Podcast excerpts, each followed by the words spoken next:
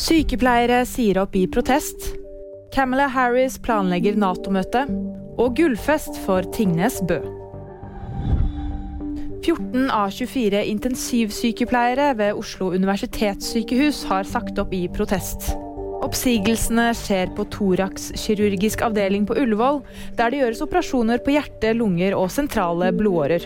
Bakgrunnen skal være at flere av de ansatte ikke er fornøyde med pågående nedskjæringer ved sykehuset.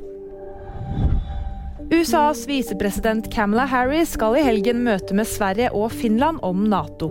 Sammen med statsministrene Ulf Kristersson og Sanna Marin skal hun diskutere Nato-søknadene til Sverige og Finland. Møtet skjer i forbindelse med den store årlige sikkerhetskonferansen i München i Tyskland.